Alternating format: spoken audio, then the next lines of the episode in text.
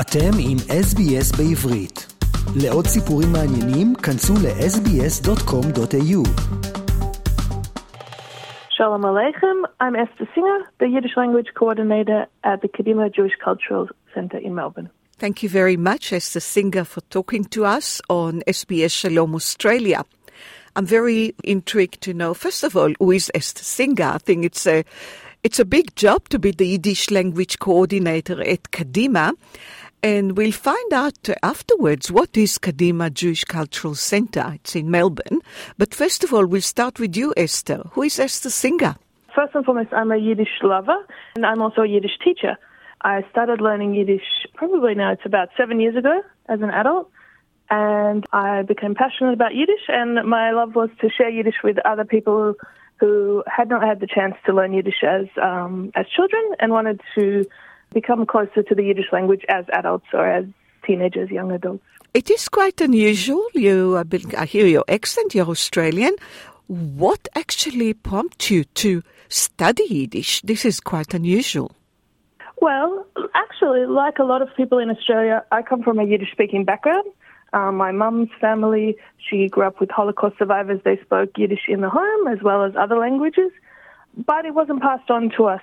Later in life, I was hearing Yiddish around me in the family and seeing, you know, more Yiddish culture, and I thought this was something that I wanted to investigate more and find out more about this language that, you know, that I hadn't had the opportunity to learn previously.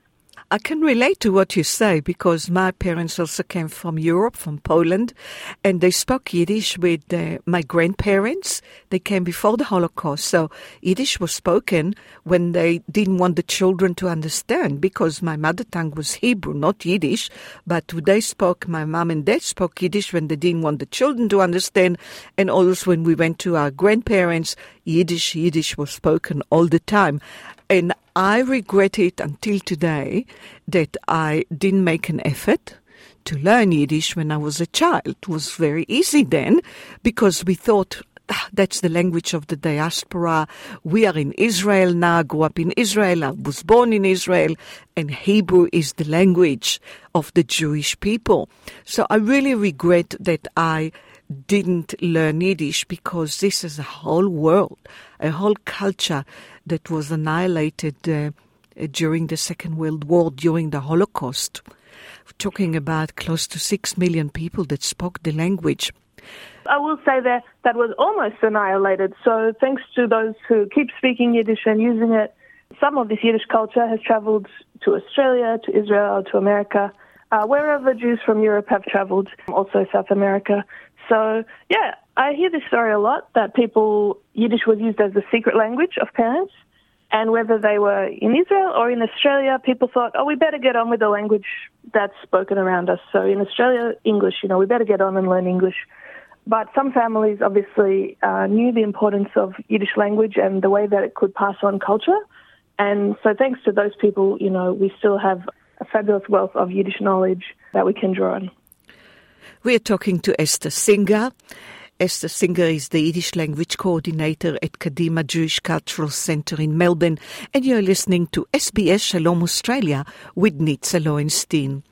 Esther, talking about uh, Yiddish, the language, I think, in the, in the last uh, 80 years was actually preserved and spoken by the ultra Orthodox communities, mainly in New York, in Israel, in Australia, in Buenos Aires, in places like that, by the only the ultra ultra Orthodox community.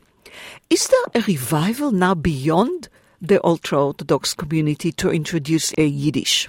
Yeah, there is. So you're right that for people who use Yiddish day to day as their everyday language and raise their children in Yiddish, the majority of those people, the ultra Orthodox, Haredim, but we also have uh, always had, you know, some Yiddishisten, as we call them, people who strongly value Yiddish and wanted to pass that language on to their children. But now we're seeing a broader group of people wanting to connect to Yiddish.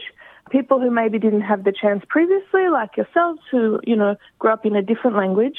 And they want to know more about the thousand years of Yiddish culture that, you know, that existed um, up until probably the time of their grandparents or parents. So we're seeing a great revival in younger people coming to the language. And I think that's where Kadimah comes into it. I mean, you are the English language coordinator at Kadimah. can you please explain to our listeners what is Kadimah? When did when was it established and who actually takes part in Kadimah? Who are your members?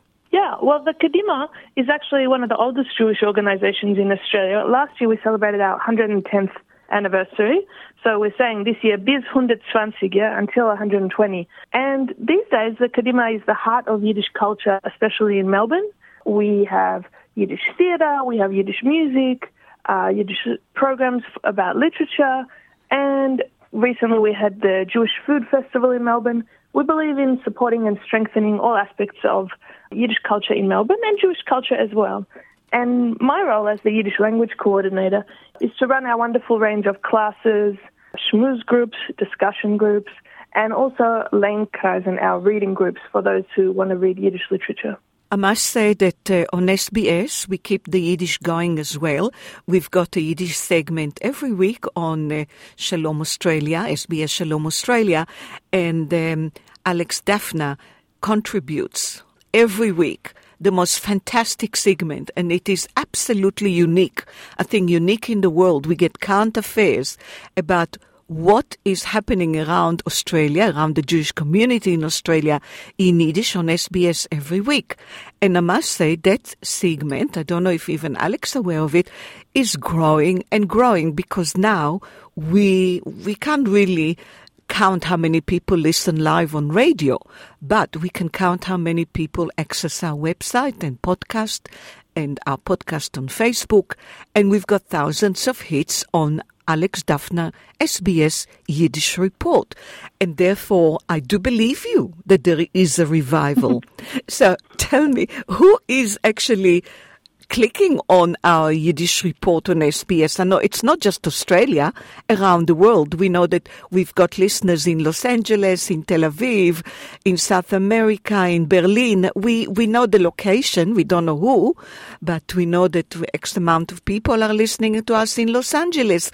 So what is happening lately that Yiddish is uh, getting such a revival? That's difficult question to ask and uh, to answer, and people uh, love to come up with theories.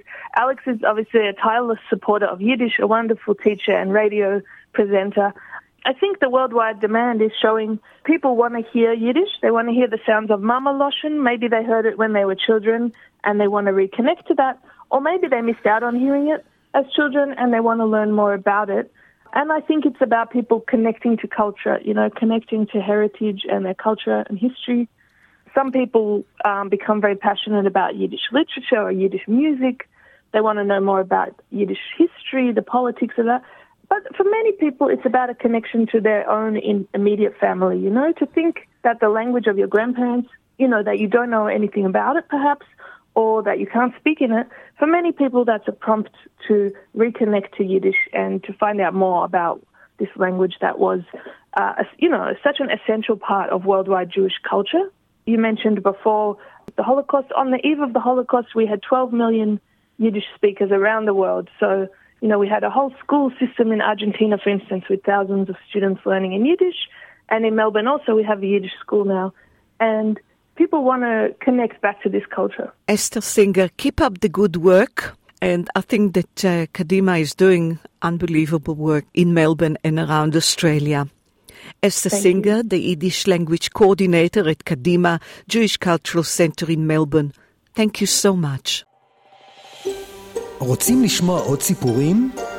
האזינו דרך האפל פודקאסט, גוגל פודקאסט, ספוטיפיי, או בכל מקום אחר בו ניתן להאזין לפודקאסטים.